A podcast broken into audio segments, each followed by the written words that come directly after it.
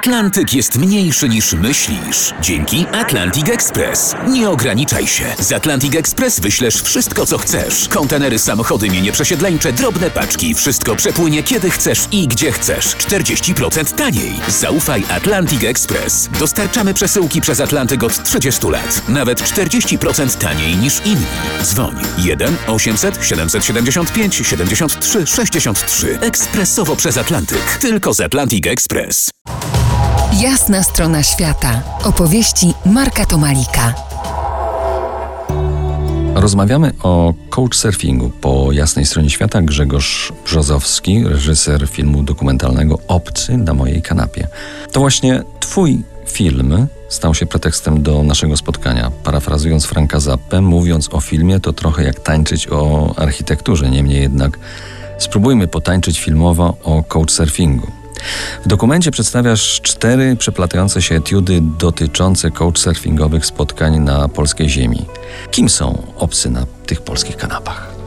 Bardzo zależało mi na tym, aby pokazać różnorodność postaw e, ludzi, którzy angażują się w couchsurfing. Mamy więc osoby w różnym wieku, różnej płci, różnych zawodów, na różnych etapach swojego życia. Jest tu młoda matka, są bardzo tradycyjne siostry, jest e, wyemancypowana motocyklistka, jest też emerytowany inżynier.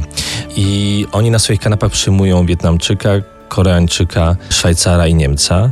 Z kamerą śledzimy ich od momentu poznania do rozstania. Właściwie mm, prowadzimy taką niemal antropologiczną obserwację tego, jak takie spotkanie nieznajomych przebiega. A kim są gospodarze? Dlaczego zapraszają obcego na swoją kanapę?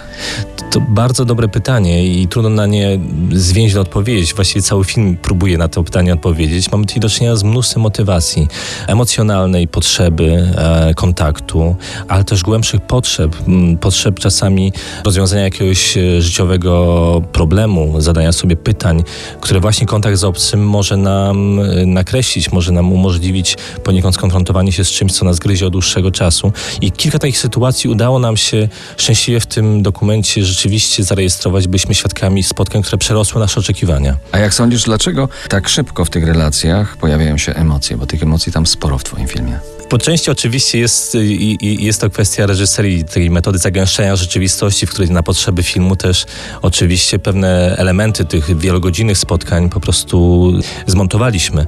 Ale niezależnie od tego, Couchsurfing skupia grupę ludzi, którzy rzeczywiście mają określoną otwartość emocjonalną na, na obcych. To nie są ludzie, którzy reagują lękiem, stereotypami na, pierwszą, na pierwszy kontakt z kimś z innej kultury.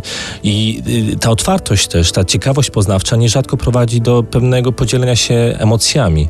I to właśnie udało nam się zarejestrować. Przy okazji opowiadania o obcym rysuje się też Pol Polaków portret y, własny z typowymi dla nas emocjami właśnie, które pojawiają się i potrafią powyciągać y, traumy, ale też i radości.